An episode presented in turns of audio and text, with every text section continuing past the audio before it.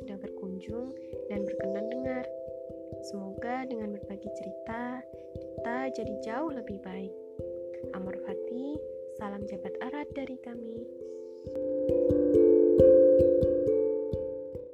Hai, selamat datang di segmen berbagi cerita. Di kesempatan kali ini, gua Prata, gua dari Genggam Erat, akan membacakan sebuah cerita yang ditulis oleh salah satu teman kita. Cerita ini berjudul Dari Depresi, Aku Belajar Tentang Harapan dan Kebahagiaan. Terima kasih sudah berkunjung. Selamat mendengarkan.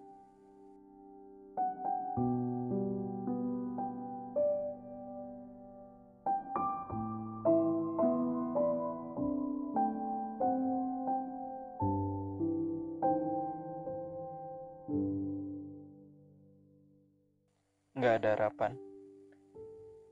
Begitulah yang aku rasakan setiap hari. Entah sudah berapa lama aku merasakan rasanya kehilangan harapan. Aku ngerasa nggak punya kesempatan untuk jadi lebih baik lagi. Hari berganti hari, aku justru merasa sebaliknya, makin terpuruk. Saat-saat itu merupakan masa-masa paling suram yang pernah ada dalam hidupku. Aku ngerasa benci dengan diriku sendiri. Dan rasa itu makin lama makin memburuk. Sehingga membuatku mulai melemparkan kebencian juga pada lingkungan sekitar. Aku benci matahari. Aku jadi benci bangun pagi, kuliah, bahkan aku seakan membenci dunia ini.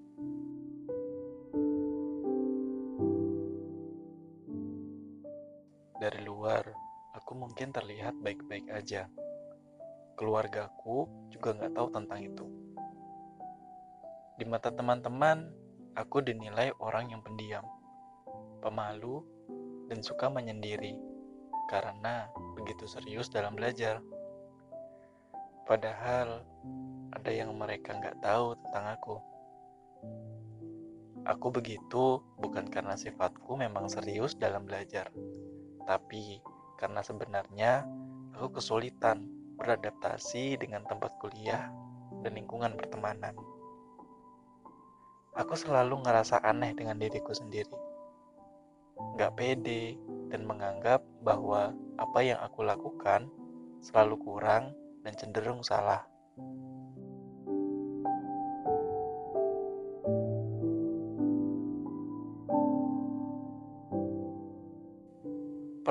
Beberapa kali aku ngerasa sangat depresi dan rasanya frustasi sekali. Aku merasa saat itu aku sangat butuh bantuan seseorang yang profesional, semacam psikolog atau psikiater. Tapi pada akhirnya aku mengurungkan niatku. Aku takut. Aku takut jika apa yang aku rasakan selama ini enggaklah valid di mata mereka.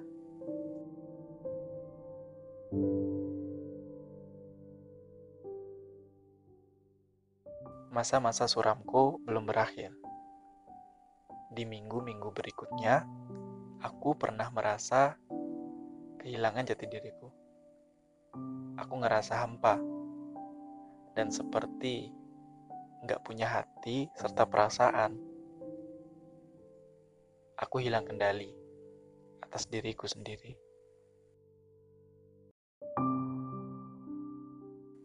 Hidupku saat itu berantakan. Aku merasa diriku begitu bersalah karena sudah terlahir di dunia. Sehingga aku kerap menghukum diriku sendiri. Aku sering tidak makan hingga berhari-hari. Aku sering memuntahkan makananku. Karena rasanya makanan itu gak pantas aku telan.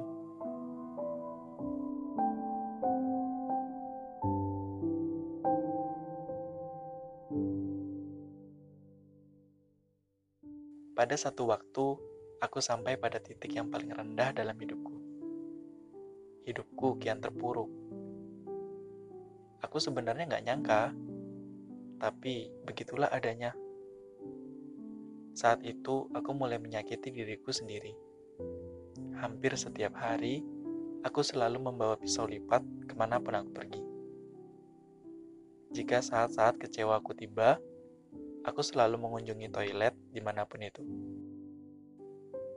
Aku mulai menyayat tanganku atau kakiku. Entah kenapa, jika aku sudah melihat darah keluar dari bekas sayatan itu, hatiku lega. Aku merasa lebih baik dan pikiranku tak lagi terlalu menyalahkan diriku sendiri.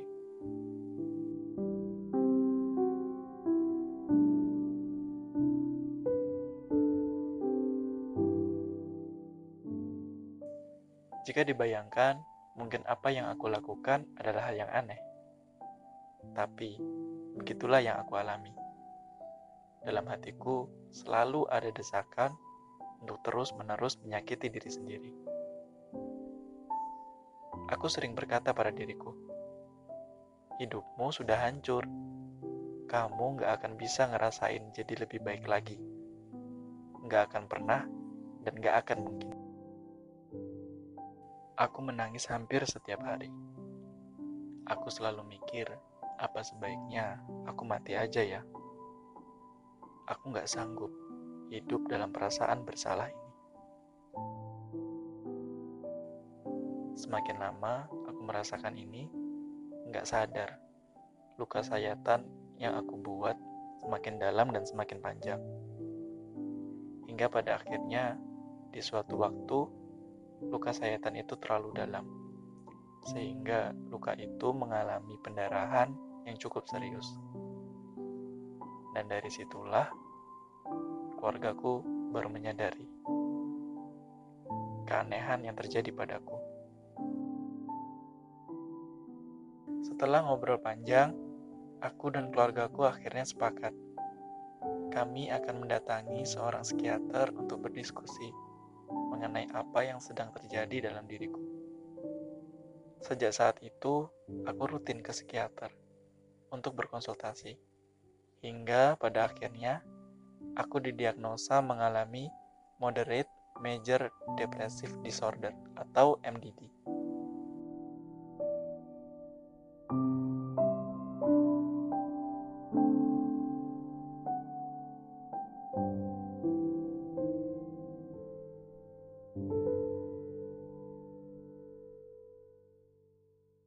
Singkat cerita, satu tahun telah berlalu sejak pertama aku berkonsultasi dengan psikiater.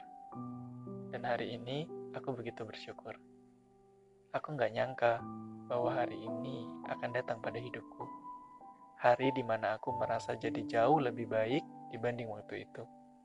Ya walaupun belum benar-benar sembuh, bagiku hal itu adalah sebuah kemajuan yang besar dalam hidupku. Aku sangat bahagia karena akhirnya aku dapat merasakan ketenangan dan kedamaian. Sebuah hubungan yang begitu aku dambakan bagiku dan diriku.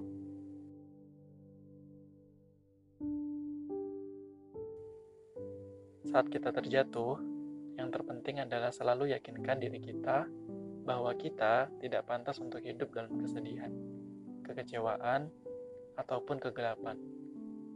Kita tidak pantas stuck dan terus-menerus terpuruk dalam hal itu. Kita berhak merasakan kedamaian. Kita berhak untuk tetap bahagia dan membahagiakan orang-orang yang menyayangi kita.